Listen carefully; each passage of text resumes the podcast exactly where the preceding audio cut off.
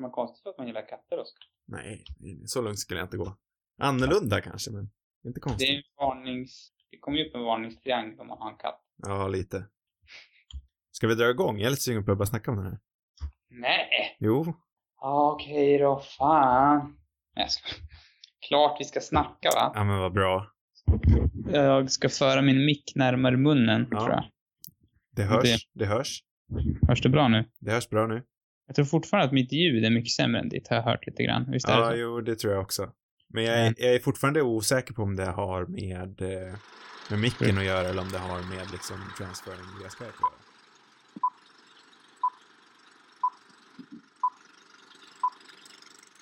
Hej och välkomna till ännu ett avsnitt av Radio Rubus. Det här det är Filmklubbspodden där vi varje vecka pratar om en ny film från obestämd genre och era.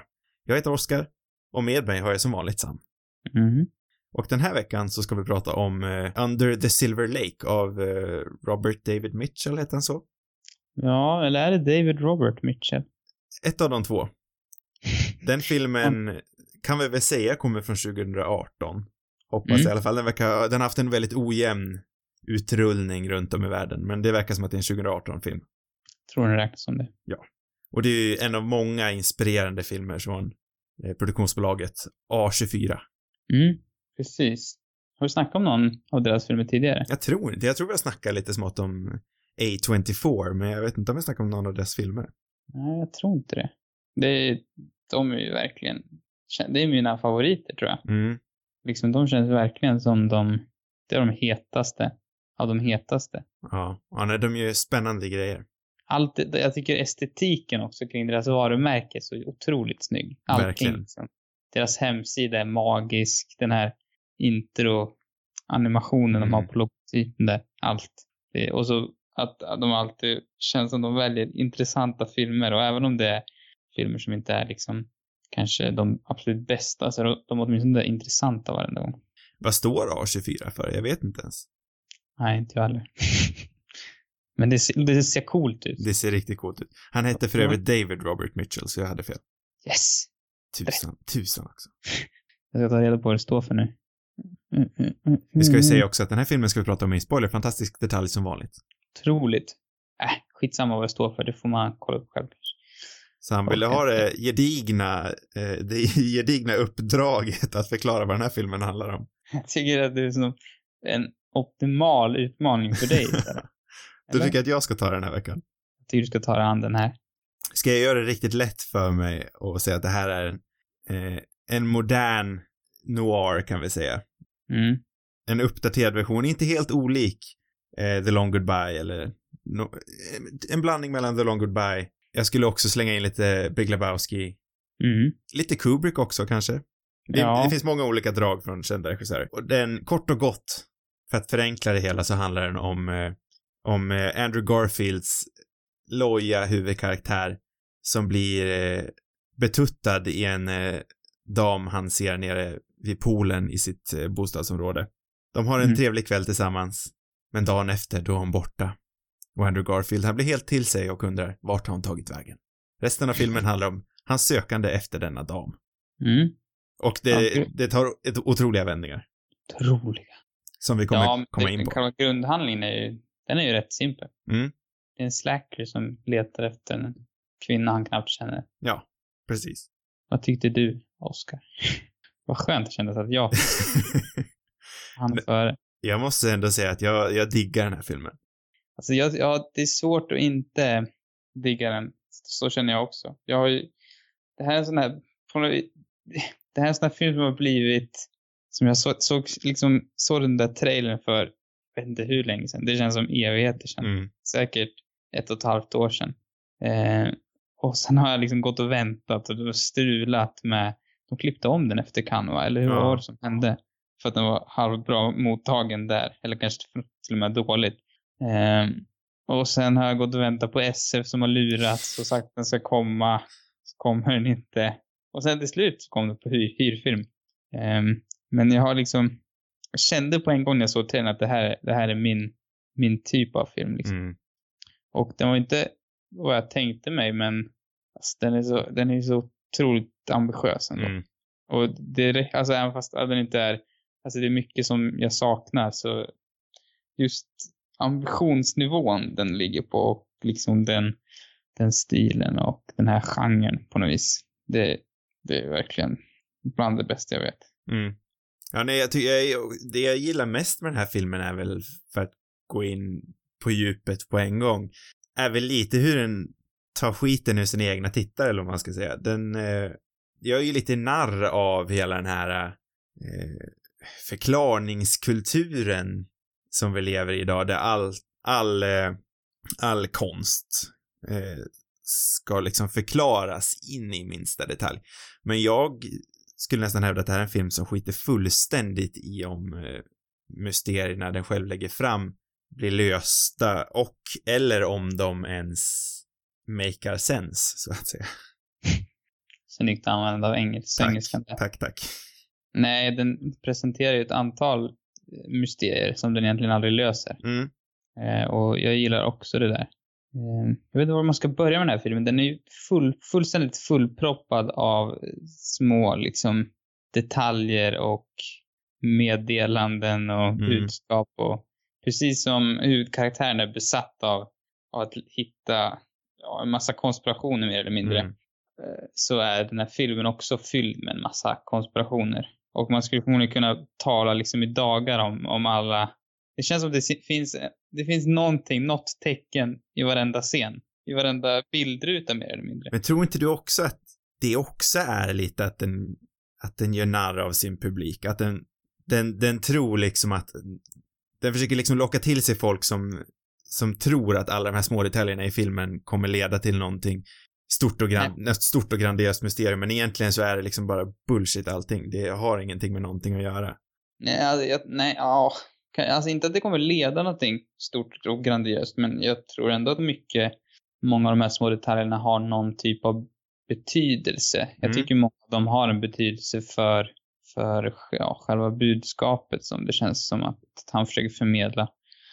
Och, eller så att det är kopplat till någon av de här mysterierna liksom. Mm. Det, det känns ju inte som löst utslängda detaljer. Nej, Även nej, om- de har, de har ju absolut en koppling. Men jag Men de, tror... de leder ju inte till en lösning. Det gör de Nej, jag, jag tror att jag tror att det här är en sån här film som kommer locka många konspirationsteoretiker när den i själva verket gör narr av sådana. Mm. Ja, jo, det gör den. Men, det, men den är lite som en, som en Kubrick-film brukar vara. Det, är, det finns otroligt mycket så referenser och klurigheter och Kubrick hade förmodligen inte heller liksom en idé med allting och det är mycket som så övertolkas. Men, men det känns det känns ändå väldigt genomtänkt tycker jag. Det finns, det är som någon kvalitet till alla de här olika detaljerna. Mm. Jo, alltså jag vill ju förtydliga att jag gillar alla små detaljer. Jag tycker det finns någonting otroligt häftigt och den här filmen har ballar. Så kan man säga. Mm. Den vill ju så mycket. Alltså om, jag ska, om vi ska jämföra med Long Goodbye som vi såg för några veckor sedan. Mm. Så jag tycker i slutändan att den filmen, den är betydligt mer jämn. Liksom, att Mm. den då når till nå- någonting mer tillfredsställande. Men eh, alltså ambitionsnivån på den här filmen och eh, jag vet inte, det, där den, det den går ut med på något vis, det, Mm. det tycker jag är betydligt högre. Hade den här rott filmen i land, eh, då, då hade den utklassat Long Goodbye tycker Mm. jag. Men eh, det, det är väl kanske det som gör det också, att det finns så otroligt många spår och att den bygger upp så mycket att det är väldigt svårt att liksom, knyta samman någonting. Eller, komma, eller det är också delvis det som jag tror är själva syftet med filmen, att den inte ska komma till någon riktig eh, slutsats. Nej, precis.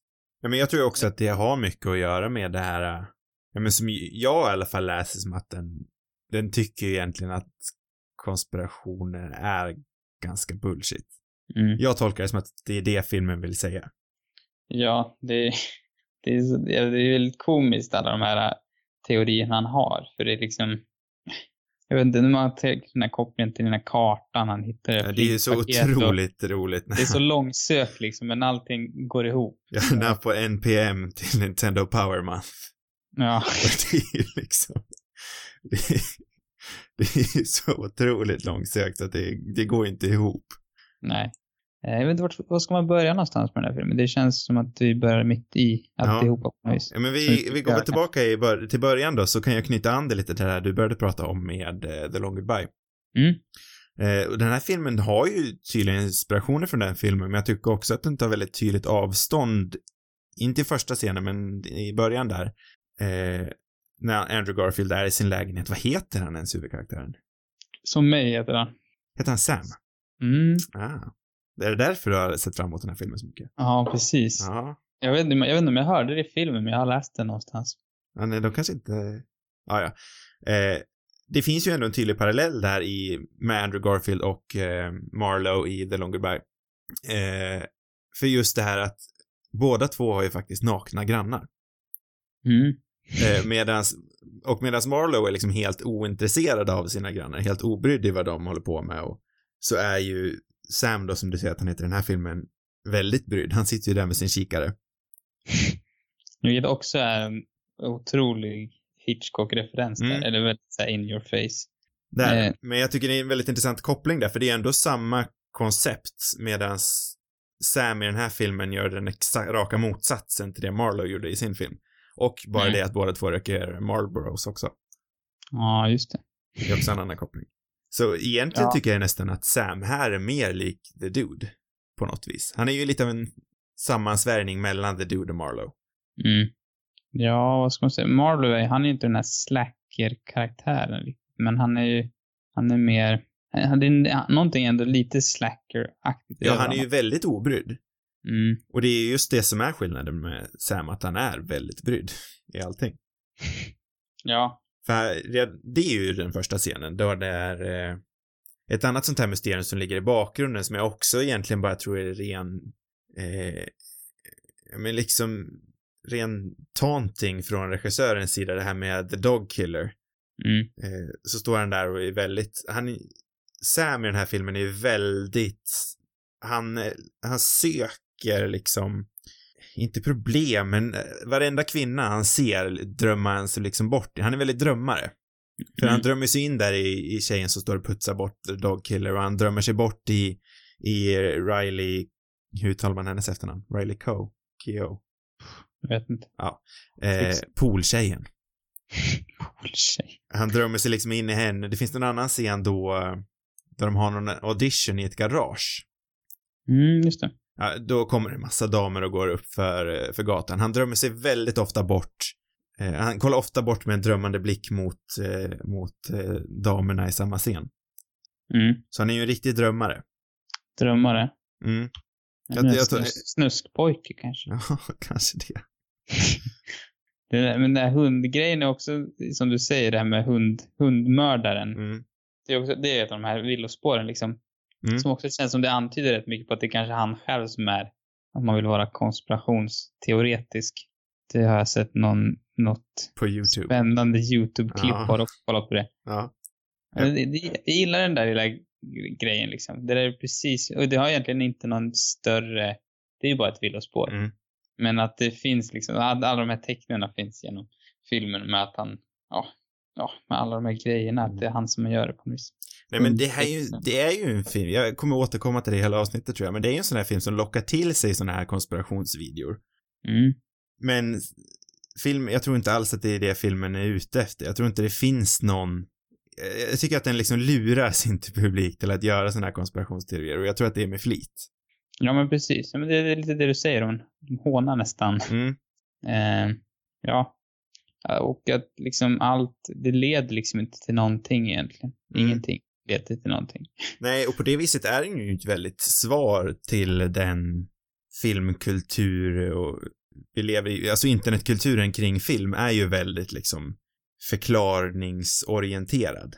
Allting Mm. ska ju ha en förklaring. Ingenting kan ju bli lämnat liksom utan svar. Nej. Och jag älskar att den här filmen har ballar nog till att lämna allt egentligen utan svar. Ja. Så på Det- sätt och vis hade jag ju nästan Perfekt. föredra... Jag tycker, ska vi gå in i slutet eller? Den är som du säger, det är otroligt svårt att veta vart man ska börja. Ja, vi kanske ska dra lite på slutet. Kan jag tycka. Mm. Um, så då måste jag ha en mot, eh, något annat att komma med. Mm. Ska vi prata lite om kamerarbetet? Nu slänger vi in kamerarbetet. Nja, jag vet inte. Jag vill liksom gå vidare i filmen så här. Så tänkte jag försöka vara strukturerad i en ganska ostrukturerad ru- lullig film. Mm. Men hu huvudnarrativet är ju i alla fall, bortsett från allt det här runt omkring som är, som är ju, det är ju väldigt spännande. Men jag tror Mm. inte att det har någon mening. Men huvudnarrativet är ju att söka efter eh, hundkvinnan, vars namn jag nu ska kolla upp. Vad karaktären är. Sarah. Sarah. Jaha. Mm. Ja. Och han följer efter några andra. Ja, han hittar ju Zoe där. Vad heter hon? De, de, so, so, nej, vad heter hon efternamn? Mamet va? Girls. So, so, Ja. Sosha? Nej. Sosha Mamet? Nej. Ja, det kanske det kanske det är. Jag vet inte. Vad heter hon i Girls? Nu är det står helt still.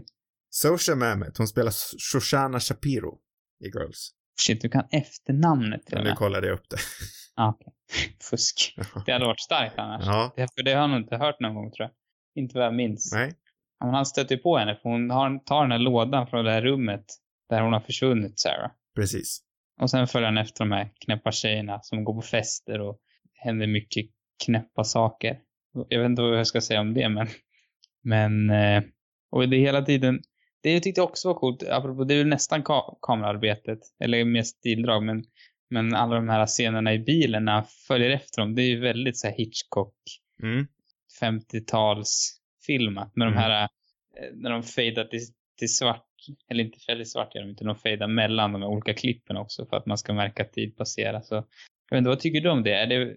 Jag vet att du är väl inte riktigt lika stort fan av sån här, jag vet inte, film, nu kanske inte det här är medvetenhet om att det är en film de spelar in aktivt, snarare en referens, men vad tycker du om de här otroligt tydliga referenserna till ja, men nostalgireferenser mer eller mindre. Jag älskar den här filmen. Jag tycker inte att det är liksom så eh, uppenbara nostalgireferenser. Nej, jag vet inte om man ska kalla det nostalgireferenser heller, men uppenbara referenser i alla fall. men jag tycker inte ens att det är uppenbara referenser. Jag tycker bara att det är inspirationskällor på något vis. Mm. Jo, men också musiken Mm. känns ju också väldigt, Ja, nej, jag, jag älskar det. väldigt noir. Jag tycker det är jätte, jättesnyggt. Funkar de när de refererar till Hitchcock rakt ut också, tycker du? Eller blir det för mycket då? Du menar på gravstenen där när det står Hitchcock? ja, men till exempel, det är väldigt mycket och det är referens till Janet Gaynor också. Mm. Som hans mamma ringer och snackar om hela tiden. Det är Mm. alla de här Hollywood... Jag gillar ju det, för jag såg ju det också lite som det här att filmen gör narr av sin publik. För jag Mm. tänker mig att många kommer se att det står Hitchcock på gravstenen och blir åh shit, vad betyder det? Till internet. Jag måste se. Har någon skrivit en bloggpost om vad Hitchcock betyder? Ja, och jag har ser det det ju också- lite som att den gör narr av det. Ja, och sen har det ju mycket med budskapet att göra också i filmen. Att eh, just med, med populärkulturen och alltså, det som han är inne på att, att den har någon ja, att den har någon större, att det finns någon mening bakom allting liksom. Ja, men för det är en av de bästa replikerna i filmen kommer ju från Topher Grace karaktär som heter Barbuddy. Barbuddy. Eh, han så? Ja, han heter så på IMDB i alla fall. Så han har väl inget namn. Varför säger de inte så i filmen? Barbuddy. Hej Barbuddy. eh, nej men han säger "We- We crave mystery cause there's none left. Han eh, pratar ju där om varför vi alltid söker mening med allting och det, där säger de egentligen rakt ut det jag pratar så mycket om nu. Mm. Eh, samtidigt som de eh, visar på skärmen. Det tycker jag ändå är lite snyggt gjort när de Ja, han säger we, we, crave mystery cause there's none left samtidigt som Super Mario kryper ner i ett hemligt level. På Ja. Det, det är ju en snygg referens tycker jag ändå. Mm. Eh, och där talar de ju om just det jag säger. Nu kommer jag inte ihåg varför jag började prata om det. Nej, men det var väl det med populärkulturella referenser. Men hela filmen handlar ju om det. Så att jag menar, det hade varit konstigt om de inte hade haft alla, alla sådana grejer. Precis. Eh, det finns ju, det känns som att det finns en populärkulturell referens i alla scener mer eller mindre. Exakt. Nej men och så går den ju från de här Hitchcock-inspirerade scenerna som du pratar om som jag älskar till, till Kubrick-inspirationerna som jag ser i de här klubbscenerna bland annat när han kommer in. Det är ju väldigt Ice Wide Shut. Mm. När han kommer där och ska äta upp kakan innan han går in i klubben. Mm. Och alla är klädda helt i svart medan han har en röd skjorta på sig. Mm. Så kommer den här eh, ban- eh, ballongkvinnan. Också är klädd i rött. Så de två sticker Ja. ut väldigt mycket. Ja. Det ser jag som väldigt eh, Kubrick-inspirerat.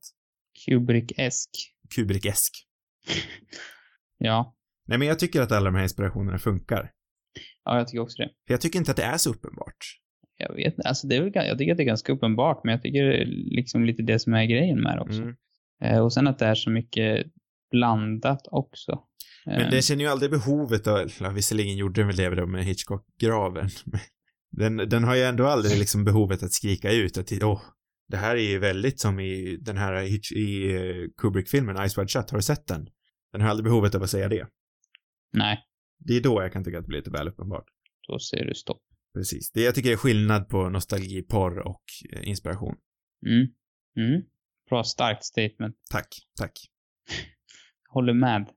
Ehm, har du sett den här eh, Paul Thomas Andersson, jag tycker det är så roligt att få säga Paul Thomas Andersson. Paul Thomas Andersson-filmen Inherent Wise. Nej, jag har ju inte det tyvärr. Tyvärr. Trist. För det känns ju som också en otroligt stark influens. Mm. Rent liksom den här lite smått pårökta, luddiga huvudkaraktären som försöker, jag kommer inte ihåg vad han ska hitta, ta reda på i den.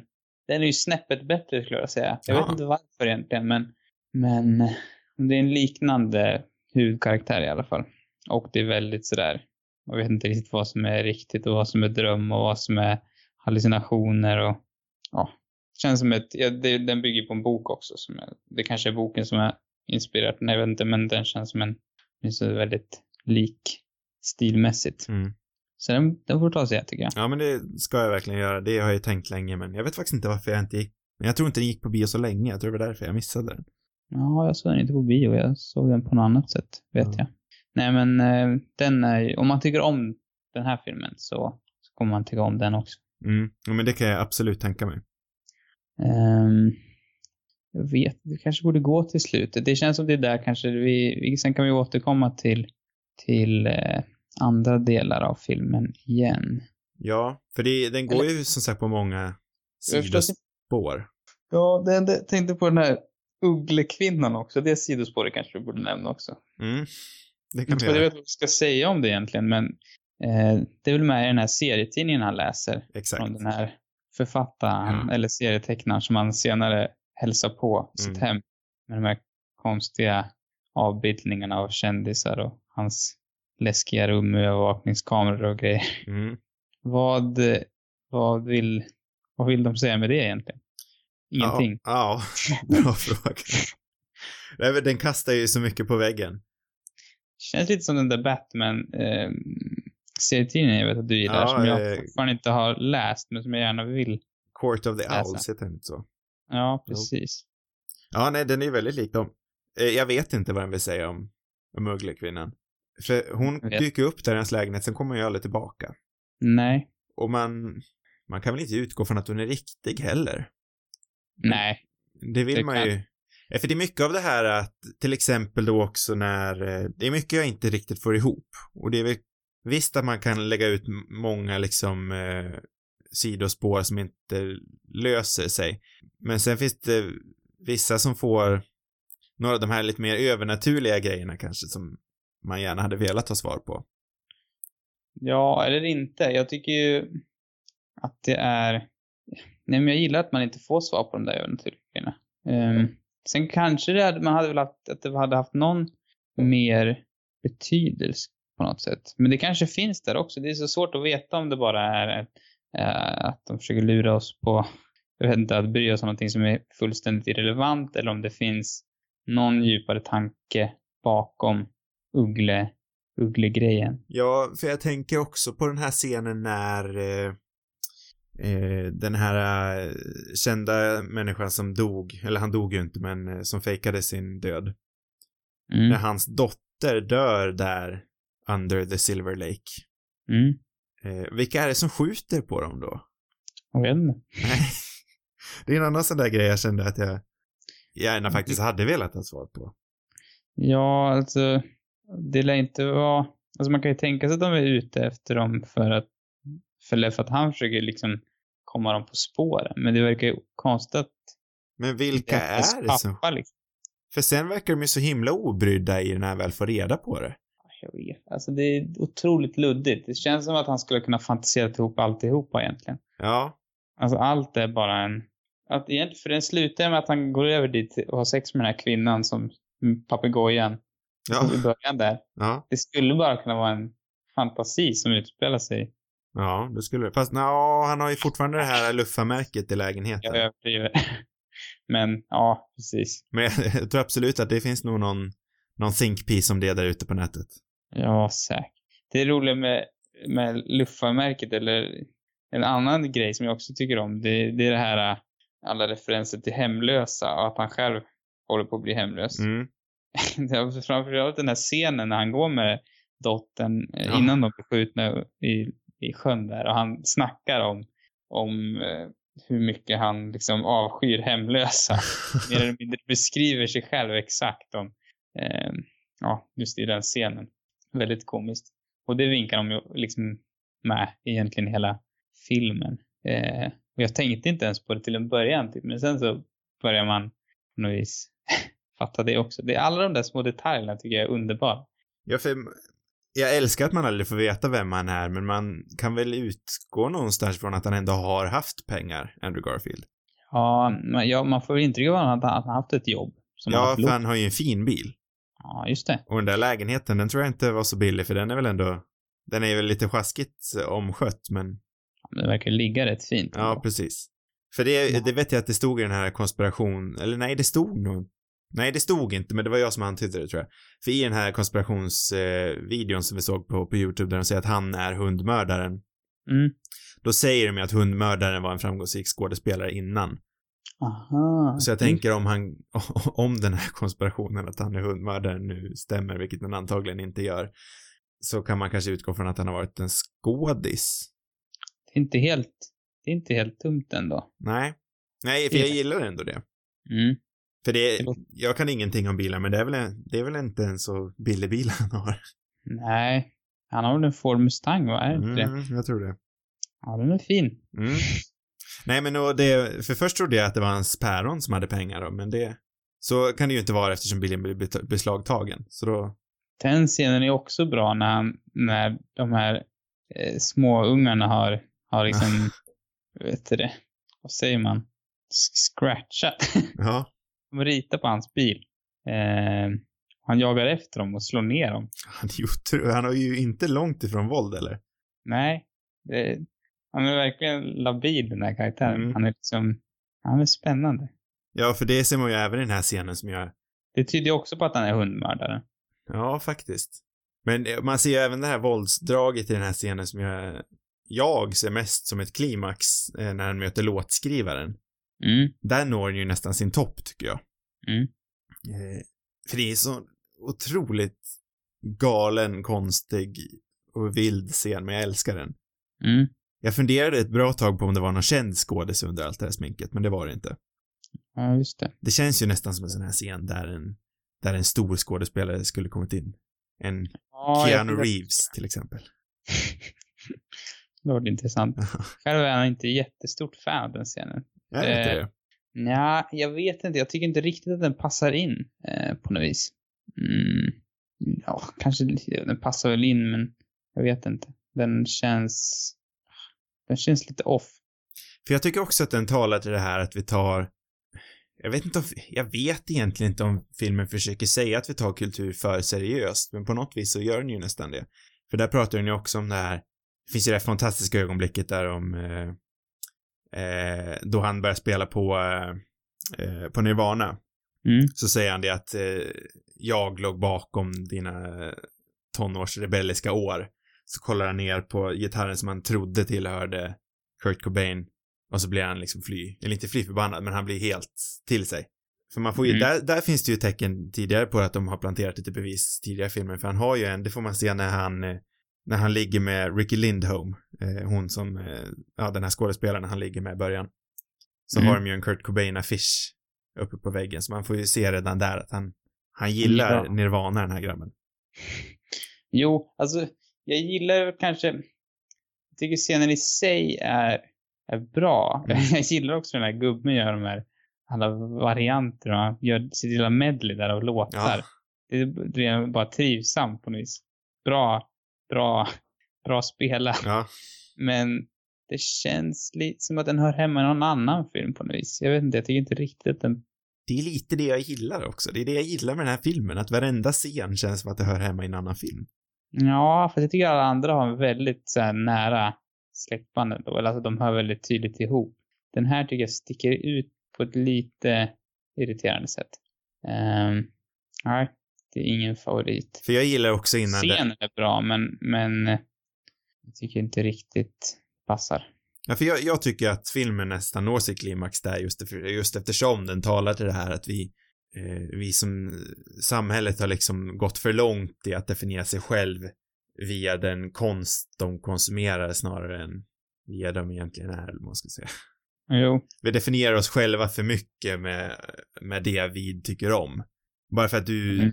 du älskade Nirvana när du, när du var tonåring så är du inte Nirvana, du är dig själv. Ah. Ja, det är ju fint. Ja.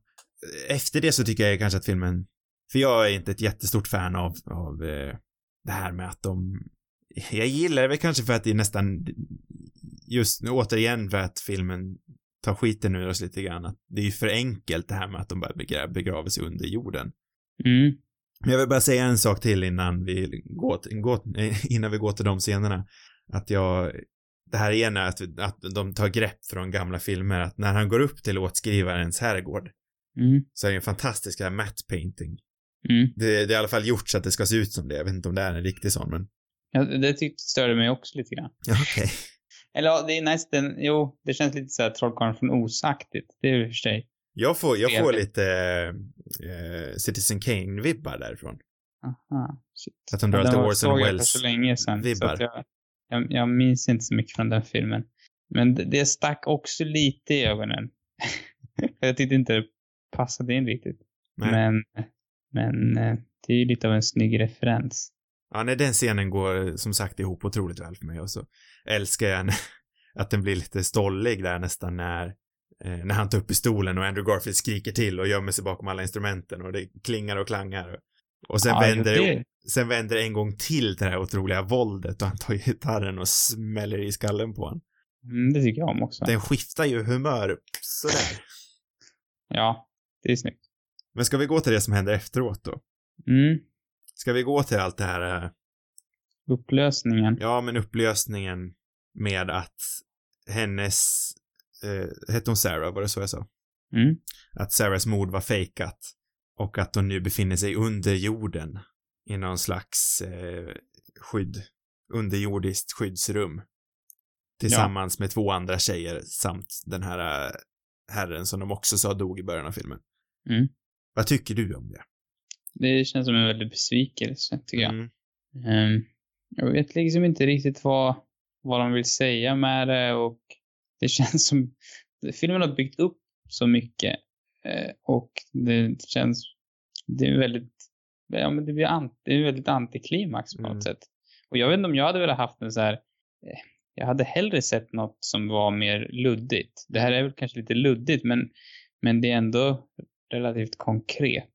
Jag hade hellre sett ett öppet slut eller något som var oklart mm. eh, än det här. För det här är ju bara, alltså antingen det eller någonting otroligt mindblowing med någon så här förklaring. Men ja, det här... Nej, det hade inte jag velat sett. Nej, det, det, hade, det hade inte funkat. Det hade inte gått att, att få ihop det tror jag. Men, men det här känns liksom, det känns som en besvikelse. Jag behövde inte ha det där. Nej. Jag, jag, det är så ointressant bara. Jag ger kanske filmen lite för mycket cred, men jag vill nästan tro att det är med flit som slutet är antiklimaktiskt. Men det hindrar ju inte filmen från faktumet att det alltså, är antiklimaktiskt. Man känner sig ju besviken. Det kanske hade... Jag, jag, jag, jag tror också att det kanske är, är avsiktligt, men det hade kunnat vara antiklimaktiskt på ett bättre sätt tycker jag. Precis. Jag håller med Jag hade också velat sett ett lite mer luddigt slut tror jag. Ja, jag vet inte vad, vad leder det till. Nej, men det är... Ja. De, ja, nej, jag vet inte riktigt. Det är oklart vad hans resa är för någonting också lite grann. Vad, vad han har kommit till för, för slutsats, eller vad det där liksom... Ja, men jag gillar ju ändå den här, äh, som jag sa innan, han är en väldigt drömmare som drömmer in sig i varenda tjej han ser. Får jag intrycket av i alla fall. Mm. Och att hon då säger till han i telefon, varför har du lagt ner all den här tiden på att leta efter mig? Vi känner knappt varandra. Mm. Eh, de har ju en otrolig koppling till varandra, det ser man ju där. De har ju ett otroligt band. Båda två blir väldigt ledsna när de ser varandra. De visar ändå en ganska, eller de delar en ganska fin scen där båda två börjar gråta. Men det är också mm. otroligt sant det hon säger, att du känner knappt mig, varför har du spenderat hela den här filmen? Vad har allt det här varit bra för? Och det gillar jag ändå. Ja, ja precis. Det, för det ju... känns ju väldigt rätt i filmens anda, att den slutar med det. Mm. Men sen ja, landar det hade varit roligare om det hade varit så här, han hade träffat henne, alltså, inte vet jag, på, en, på ett café i stan och hon har bara flyttat eller någonting. Det var alltså... det jag trodde skulle hända. Jag trodde att allting bara hade varit helt... Jag trodde inte att det hade hänt någonting alls egentligen. Jag förväntade mig hela tiden att filmen skulle sluta med att det var ingenting speciellt. Nej, det, det hade jag varit otroligt nöjd med. Mm. Det var ett sånt slut jag ville ha, men mm. han kanske är pårökt där bara. Det kanske bara det kanske var det som hände egentligen. Ja. Jag vet inte. Jag är också nyfiken på den här om vad som har hänt med själva omklippningen. Mm. Eh, de kan ändra. Det är en ganska lång film ändå. Mm. Eh, och den är ju rätt så långsam. Jag tycker i och för sig att det passar den här filmen rätt bra. Eh, att det är, att det inte går så fort. Men det är klart, lite kortare än hade, hade den ändå kunnat varit. Med tanke, absolut med tanke på att jag tycker att den sista delen, slutet är så pass otillfredsställande. Mm. Um, jag hade hellre sett ett sånt där abrupt slut när han bara träffar henne på ett café eller någonting. Liksom. Precis. Det finns ju förvånansvärt lite liksom bakom kulisserna information om den här filmen. Jag, för man, jag har inte googlat runt jättemycket. Men de snabba googlingarna jag har gjort finns det ju faktiskt inte så mycket liksom. Så på det viset misslyckas den kanske, men det finns inte så mycket konspirationsteorier och, och liksom analyser och vad betyder det här, vad betyder det där. Det finns inte så mycket sånt om den här filmen. Nej, problemet är att den har inte har fått någon, den har, den har inte fått visas speciellt mycket. Nej. Den har ju liksom försvunnit mer eller mindre. Um, det känns som att, som att A24 har, har bara velat glömma den där och stoppa den i en låda någonstans okej okay då, ni kan väl få ta del av den. Lite så känns det. Mm. Uh, det är lite synd tycker jag. Sen så, jag vet, alltså den är ju, den, den når ju verkligen inte hela vägen fram och den är det är ju ingenting för de stora massorna. Det är förmodligen många som skulle känna sig rätt så frustrerade av den här filmen mm. rakt igenom. Mer jag kollade på den här på SF Anytime. Ja. Eh, en streamingtjänst jag för övrigt inte rekommenderar. Det är, varenda gång jag kollar med den tjänsten så är det någonting med ljudet. Antingen mm. låter det jätteburkigt eller som i det här fallet så blir det osynkat. Oj. Ja men det tror jag också varit med om. Varenda gång jag har kollat på en film på, på SF Anytime så har det varit något problem. Men oavsett, eh, där var kritikersnittet på en tvåa av tio. Hårt. Väldigt hårt. Ja, men jag tror det, alltså den här, den har ju mycket ambition, men den ror, alltså jag vet inte, hade det, man jämför med Kubrick till exempel, han har ju gjort, hans filmer är liksom på en helt annan nivå. Eh, och eh, det är klart att, att de når, jag vet inte, det krävs ju en viss framgång för att man ska skapa ett sånt intresse eller att det ska finnas sådana teorier om en film. Mm. Den är väl alldeles för underground liksom. Mm. För att lyckas med det. Och för att det känns som att ingen, alla har tappat någon tro på den. Um, men hade den varit mer populär så hade det säkert funnits en hel del om den. Men jag älskar ändå att den existerar, för jag vill ha, jag älskar ju sån här noirig mysteriefilm. Jag vill ju ha mer sånt där. Ja, ja det, det, det finns ju inte, det, det görs inte så mycket sådana filmer. För jag tänker, nu... första akten på den här filmen, då är den ju ändå gan relativt, ja men Long Goodbye, eh, Big Lebowski-aktig. Mm. Och det jag älskar, jag vill ju ha mer sånt. Ja, jag var också sugen på att se någon av de här. Jag har inte sett Mulholland Drive eller, eh, vad heter den här, Blue... Velvet. Blue, Blue Velvet, ja, tidigare. Men de känns... Filmen. De ja. känns ju också samma typ av. Ja. Mm. Alltså jag får ändå inte riktigt samma vibbar. Men jag har inte sett dem, så jag kan inte. Jag tycker det här känns väldigt Lynch-inspirerat också.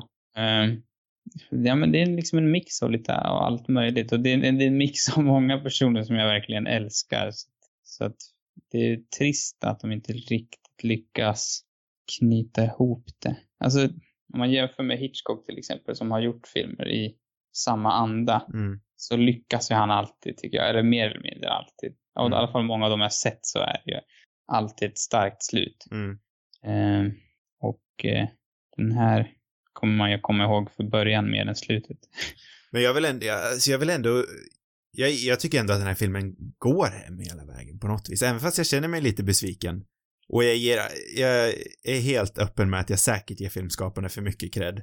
Men jag tror nästan att det var med flit att slutet är lite antiklimaktiskt. Men då borde det inte ha varit sådär, jag vet inte, det var, jag tyckte det var för konventionellt. Nej, Mm. Nej men lite på något konstigt. Så, så pass konventionellt det kan vara i, i den här filmens eh, värld. Ja. Ja, nej, jag, jag gillar det ändå. kanske konventionellt är det inte, men Nej, men jag förstår vad du menar. det, då tappade den lite, då kändes den lite som någon liknande, alltså som någon annan film man har sett förut på något sätt. Alltså Mm. en sådär halvdålig konspiration som man får svar på. Mm.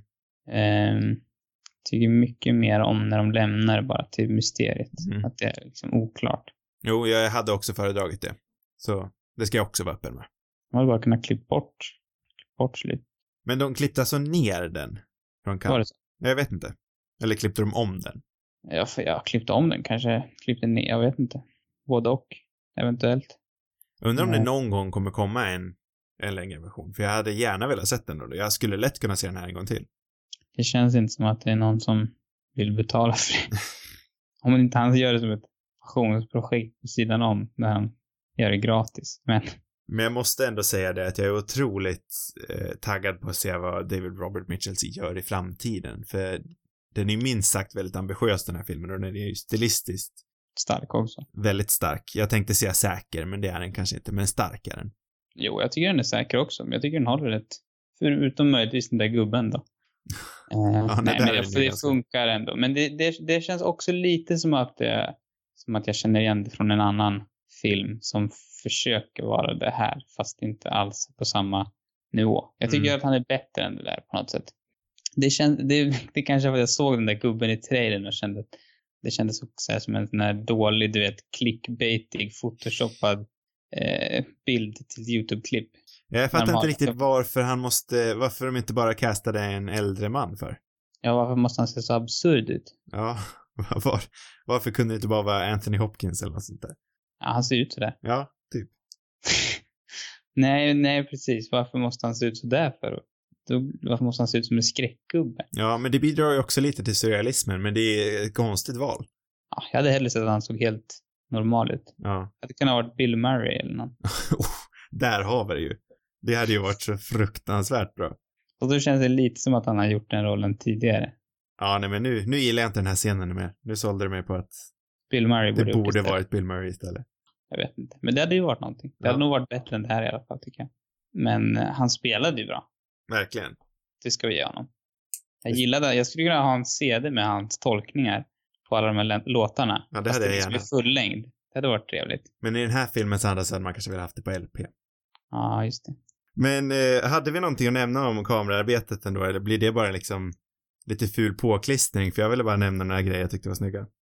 Det är klart vi har tid för det. Jag tycker vi har tid för, för allt du önskar. För jag, jag, jag måste säga det att jag är ju svag för några kamerarörelser, bland annat där tidigt i början när han är i biblioteket och, och läser serietidningen Under the Silver Lake. Då kameran liksom går igenom biblioteket. Eh, ja, hur ska man beskriva det? Vet du vilken jag menar?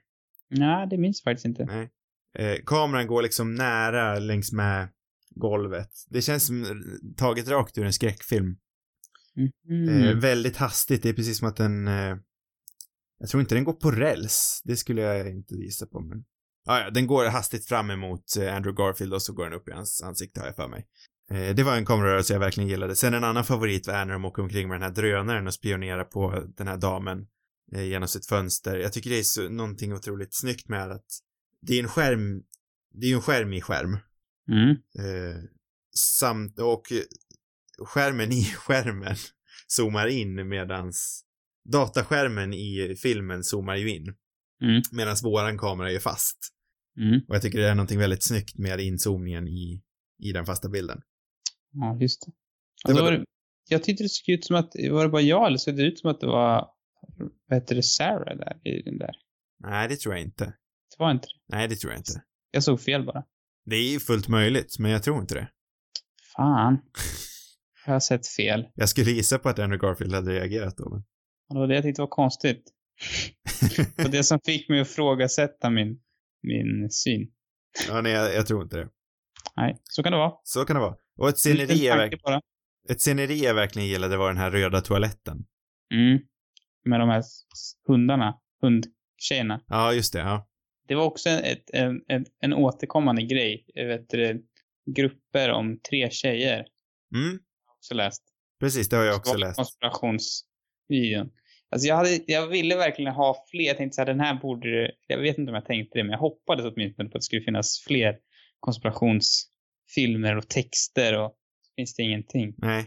Nej, jag, jag, gick ju också in med internet, in på internet med höga förväntningar om att, oh, nu finns det massa konspirationsteorier som jag i alla fall tror har missuppfattat hela grejen med filmen.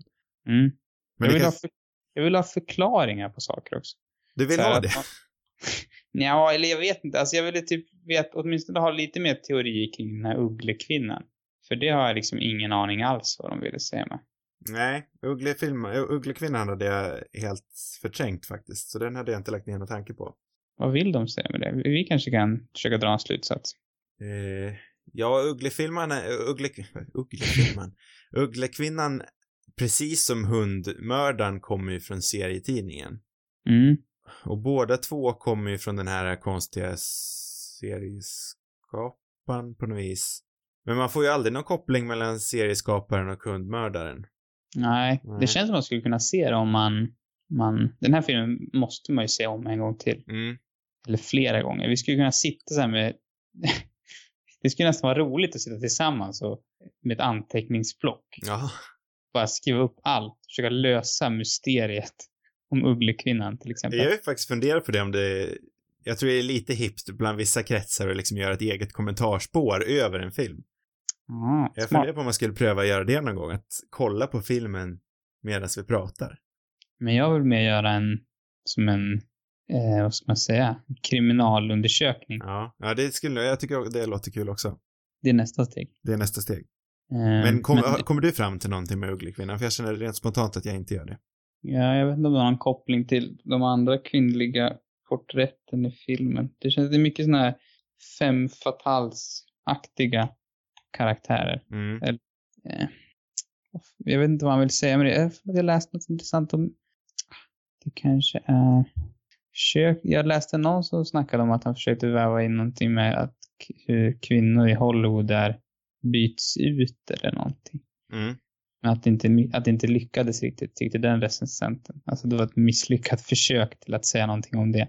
Alltså Eh, den nämner ju det, men jag tror inte det är det filmen försöker, alltså det är Nej, ju alltså, den stora inte- proklamationen filmen gör, det tror jag inte. nej, nej, nej, men det menade inte den här recensenten heller. Utan snarare då ett, ett, bara en budskap på något vis.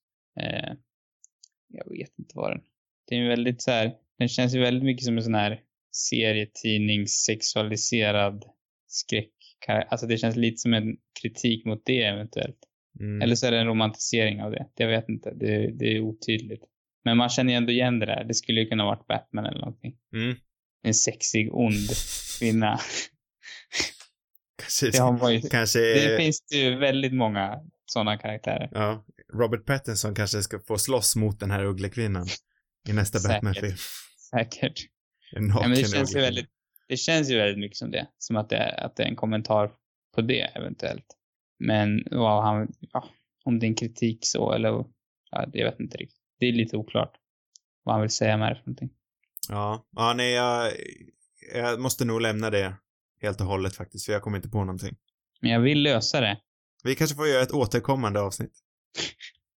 lösa, vi lägger all tid på det, på att lösa. Radiohjulets Nights, vem var Ugglekvinnan? Ja, kanske inte blir jättespännande. Nej, det tror inte jag heller. Trist, typiskt. Ja, men har du någonting annat jätterelevant att nämna? Nej. Försöker bara hitta, jag strävar efter. Det känns som en sån här film som man kommer komma på grejer efter. Det här Ja. men det finns så otroligt mycket. Det känns som vi har fått, fått ihop det, det mesta tror jag. Jag tycker också det. Lite oklar på vad, vad han vill för någonting med allting. Men det känns väl ändå som att grundbudskapet är just det som du har uttryckt så tydligt från första början. Ja, det är det jag får ihop det till i alla fall. Men sen kan jag ha helt fel. Det kanske finns någon mening bakom varenda teori också. Eller bakom varenda ledtråd. Jag får en känsla av att det finns en, åtminstone en tanke bakom allting. Eh, sen att det har någon betydelse, jag tror inte att det har någon större betydelse för filmen i sig, eller det som hände Andrew Garfield och Ja, så vidare. alltså, det är ju absolut systematiskt utplacerat, det tror jag också. Men jag tror Ja. att det är systematiskt utplacerat för att lura oss. Men jag tror inte till exempel han hade tänkt, ja här vore det coolt att ha en ugglekvinna av outgrundlig anledning. Nej, Någonting nej. tänkte han nog med. Såklart, det tror jag med. Absolut. Men vad han vill säga med allt det där, det vet jag inte. Men Det- det är det jag gillar också. Det är det som gör det, det är det som ger det eh, Kubrick-kvaliteter. Att man Exakt. inte vet vad man vill säga med det. Exakt, exakt, exakt. Nästa vecka, då är det Mhm. ju, vi, det är ju vårt 60 avsnitt, men vi har kommit fram till gemensamt att det här med att köra retrospektivt, det börjar bli lite svårt nu. Nej. Är det det vi har kommit fram till? Nej, men vi har kommit fram till att det börjar bli lite svårt tidsligt, måste jag väl ändå säga. Ja, det behöver, ja, ja, precis. Vi har inte riktigt, vi har inte kommit fram till någon. Och Nej. nu börjar det tajt. Och så är det ju inte jättemånga regissörer som har relativt låga filmografier som är intressanta att prata om. Och man vill ju ändå hinna se relativt mycket. Mm. Men så vi tänker i alla fall eh, att vi kör ett vanligt avsnitt nästa vecka. Ja, inte nästa vecka då. Nej, näst, nästa vecka. För nästa vecka, då ska Nästa. Sam bort. Aj, aj, aj. Jag var borta för två veckor sedan och du är din tur. Mm. Men eh, jag kör en sån där som du körde den här veckan, att jag har lite svårt att bestämma mig för film. Så jag har ju tre spännande filmer här. Få höra. Som skiljer sig ganska enormt. Jag har som alternativ nummer ett, Whale Rider, en nyzeeländsk, nyzeeländsk film. Det är väldigt bekant. Den kom nyss ut på Cineasterna. Mhm. Aha. Vilka är med i den? Eh, Nyzeeländare? Eh, den kändaste jag vet är Cliff, eh, Cliff Curtis, heter han så? Det handlar ju lite om, om eh, ma maori-stammar om jag uppfattat det rätt. Mm. Spännande. Jag tyckte den verkade riktigt, jag har länge velat sett eh, en annan, eh, Once We Were Warriors, jag tror den heter så. Mhm. Som också handlar om, om maori-stammen och den handlar nog lite nog, handlar nog lite mer om, eh, ja men om det som har hänt med dem. Mm. Eh, det tror jag inte riktigt att Whale Rider gör, rakt av. Eh, mitt andra val är Steve Mhm. Jobs. Filmen av... eh, Av, eh, inte den här med Ashton Kutcher. Nej, Anders. Vem är det som har gjort den där Det är ju eh, Danny Danny Boyle. Boyle. Är det. Danny Han Boyle och så är den skriven av Aaron. Sorkin. På sistone måste jag säga. Vad sa du? Så han har väl alltid gjort rätt spännande val kanske.